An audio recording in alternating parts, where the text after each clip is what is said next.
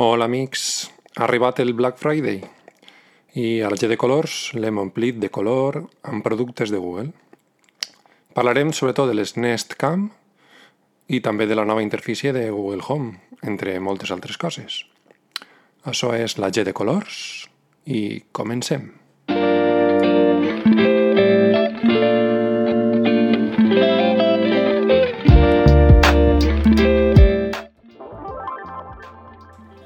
I abans d'entrar en matèria en el que són les Nestcamp i la, el nou redisseny de la interfície gràfica de Google Home, ens eh, centrarem primer en una notícia que diu que Google s'estaria plantejant fer una xarxa social eh, per competir amb Twitter.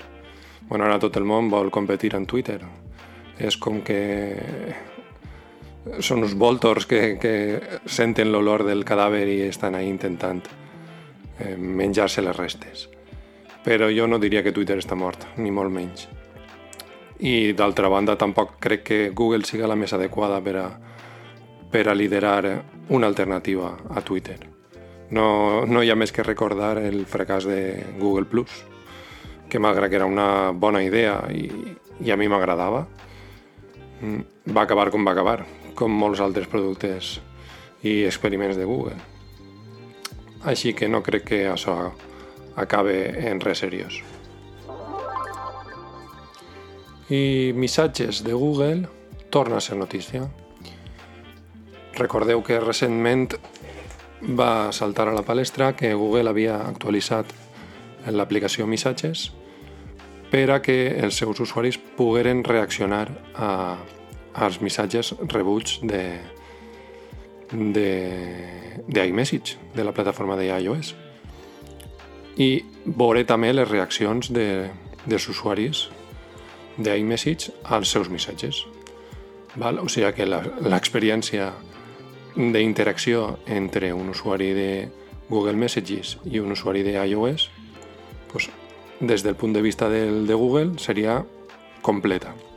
No així per a l'usuari d'iOS, que cada volta que, que l'usuari de, de Google Messages reacciona a un dels seus missatges, rebria un SMS perquè Google, o sigui, perquè Apple no ha implementat eh, eixa reacció de missatges provinents de Google. Bé, això ja, ja ho coneixíem i ara la novetat és que Google permetrà reaccionar amb qualsevol emoji no només amb els 4 o 5 predefinits. bueno, una xorradeta més. I passem a parlar ara del Pixel Watch, aquest rellotge que ni està ni se l'espera, a no ser que acudisques a, a fonts, diguem, no oficials, o a la POP, etc o compres internacionals. Però torna a ser notícia perquè una actualització d'aquest rellotge eh, ha fet que siga compatible amb múltiples eSIM. És a dir, podràs ficar-li més d'una SIM, una eSIM, i canviar, diguem, el perfil en funció de, del pla de dades que tingues en un o altre. No és, no és un suport complet a, a dual SIM, en el sentit de que no podràs rebre telefonades al mateix temps dels, de les dues SIM, només podràs tindre activada una cada vegada però bé, és un, una millora, una millora més que estan donant-li a este rellotge que la veritat és que està passant prou desapercebut, sobretot per, segurament per el nivell de bateria que puga tindre, però jo crec que van millorant-lo i van, van aportant-li actualitzacions. Inclús no ens sorprendria que en alguna d'aquestes actualitzacions milloraren la, la vida de la bateria, i parlarem ja d'una altra, una altra cosa, d'un altre tu a tu amb altres smartwatch. I parlant de smartwatch, la línia de rellotges intel·ligents de Fitbit, propietat de Google, també s'actualitzaran.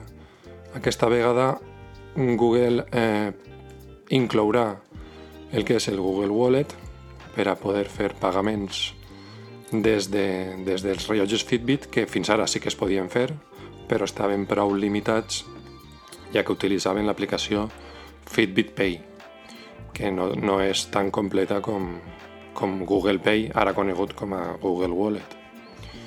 i a més també ha confirmat que inclourà eh, l'aplicació de Google Maps per a tindre eh, direccions directament en el rellotge. No obstant això, eh, Fitbit, eh, el Fitbit Versa 4 i el Fitbit Sense 2 mm, pel que sembla no, mm, no poden substituir a lo que és un smartwatch complet. De fet, han perdut inclús eh, funcionalitats, perquè per lo vist abans es podia tindre Spotify i ara en les últimes versions del Fitbit es veu que l'han llevat. No sé per què. Bueno, m'imagino que per, per eh, distingir el que és un smartwatch de lo que és un, un complement de esportiu, diguem. Google ha anunciat que a través de Google Assistant serà possible buscar un capítol de podcast per convidat, per el nom del convidat, o inclús per la temàtica del capítol. És a dir, que podràs dir-li a Google que busque, per exemple, un capítol del podcast Fitness Revolucionario que vaja sobre la dieta cetogènica. Això és la teoria, perquè bueno, jo ho he provat i de moment a mi no m'ha funcionat.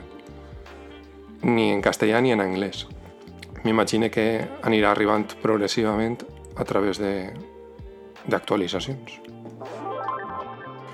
I abans d'entrar en matèria en, en el tema central d'avui, eh, una xicoteta curiositat, vos deixaré, com sempre, els enllaços en, les notes del programa. Vos passe l'enllaç d'un tuit d'un fil, en realitat, d'un usuari de Twitter, que és un desenvolupador expert en Google Sheets, que ha fet un, un experiment prou curiós i és que ha convertit eh, Google Sheets en un lector RSS. La veritat és que no, no sembla complicat, vull dir, explica pas per pas el que hi ha que fer i no deixa de ser curiós. I passem a parlar ja de una de les meues últimes adquisicions en este Black Friday, que han sigut les càmeres Nest Cam de Google, les càmeres indoor cablejades. Bé, eh, què dir? Són les càmeres eh, interessants, són càmeres fixes, és a dir, no, no les pots rotar, però tenen una, un efecte ull de bou que fa que, que pràcticament es vegin eh, un, un angle de visió més que suficient ficant-la en un cantonet més que suficient per a veure tota l'habitació. És a dir, en aquest aspecte, perfecte. Són molt, nítides, molt nítides la imatge, són eh, Full HD 1080p, amb una tassa de refresc, la veritat que és molt bona. El tema àudio també funciona, funciona molt bé, tant per escoltar com per a, per a parlar i tindre una conversa.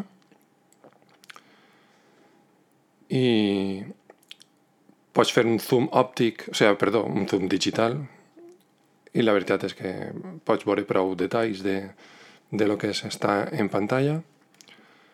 I hasta ahí jo crec que eh, lo que m'ha agradat. Coses que no m'han agradat no apareix un timestamp, o sigui, si tu estàs visualitzant la imatge en directe, no tens ahí una referència del temps, de tal manera que si estàs veient un, una imatge on no, on no hi ha ningú, no, no tens manera de saber si la imatge s'ha congelat o està, o està funcionant, ni si n'hi ha molt de retard en el que estàs veient o no. I més coses que no m'han agradat. El tema de, de que hauria d'estar molt més integrat a nivell de, de Google Home. A veure, està, estan, són les que més millor integrades estan en el sentit de que només obris Google Home t'apareixen ahí les, les, les càmeres i tal, això perfecte.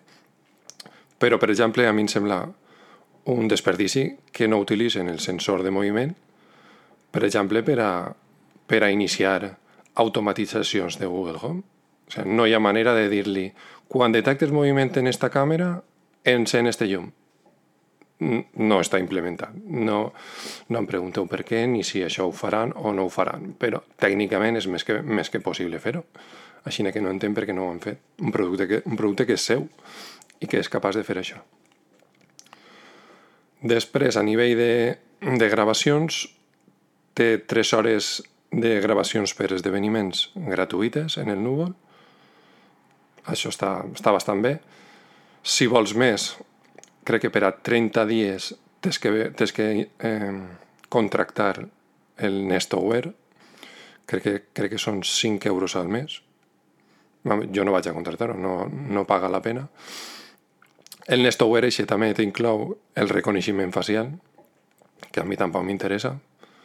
A lo millor si fora una càmera de seguretat en una tenda i tal, igual sí que m'interessaria el reconeixement facial, no sé. De fet, no sé ni, ni si és legal fer això. M'imagino que sí que serà legal, però n'hi haurà que informar de que s'està utilitzant reconeixement facial. No ho sé, la veritat. I, bueno, ja està ahí el que són les càmeres Nest, que de moment jo crec que sí que me les quedaré i fan el seu paper. Pel que fa al nou redisseny de Google Home, l'aplicació, s'ha activat esta setmana, està en fase de que ells anomenen vista prèvia, que no és una beta, eh, és a dir, ells t'informen que no és una beta en el sentit de que no, no té per què haver grans errors. És pràcticament una versió final, una, lo, lo que en desenvolupament podríem dir una release candidate. I, I la veritat és que ha millorat moltíssim en quant a, a funcionalitat i a visualitzacions. Ara és tot molt més visual, eh, molt més material you, en el sentit de, del llenguatge de disseny més accessible, la pantalla de favoritos és perfecta per a ficar-te ahí el que més utilitzes, les càmeres, eh, les llums que més utilitzes, etc. L'apartat d'automatitzacions ara està molt més clar. Eh, coses que no m'ha agradat, continua sense deixar-te fer automatitzacions si tens el, si tens el dispositiu en català. No entenc per què. Entenc que les automatitzacions no poden estar en català, però no entenc per què no me les deixa fer en castellà encara que estiga l'aplicació en català. Eh, en fi, que me costa dir-li a l'aplicació que es mostre en castellà o en anglès per a poder eh, interactuar en les, en les automatitzacions. Dir que, malgrat que no és una beta, jo sí que la note com una beta, és dir, no té errors, coses que no funcionen, càmeres que no es carreguen, eh, botons que, de llums que apareixen desactivades i la llum està encesa. Vull dir, sí, hi ha, hi ha prou coses que polir. Eh, però crec que és un pas en la direcció correcta i la veritat és que en línies generals m'ha agradat molt el redisseny el redisseny de l'aplicació de Google Home. I res, fins així l'episodi d'esta setmana, que ens ha quedat un episodi prou més llarg que, que els primers, i espero que vos hagi agradat. Recordar-vos que estan eh, els enllaços de, de tot el que parlem en les, en les notes del programa i ens vegem, ens escoltem la setmana que ve. I sempre recordeu, no sigueu malvats. Thank you.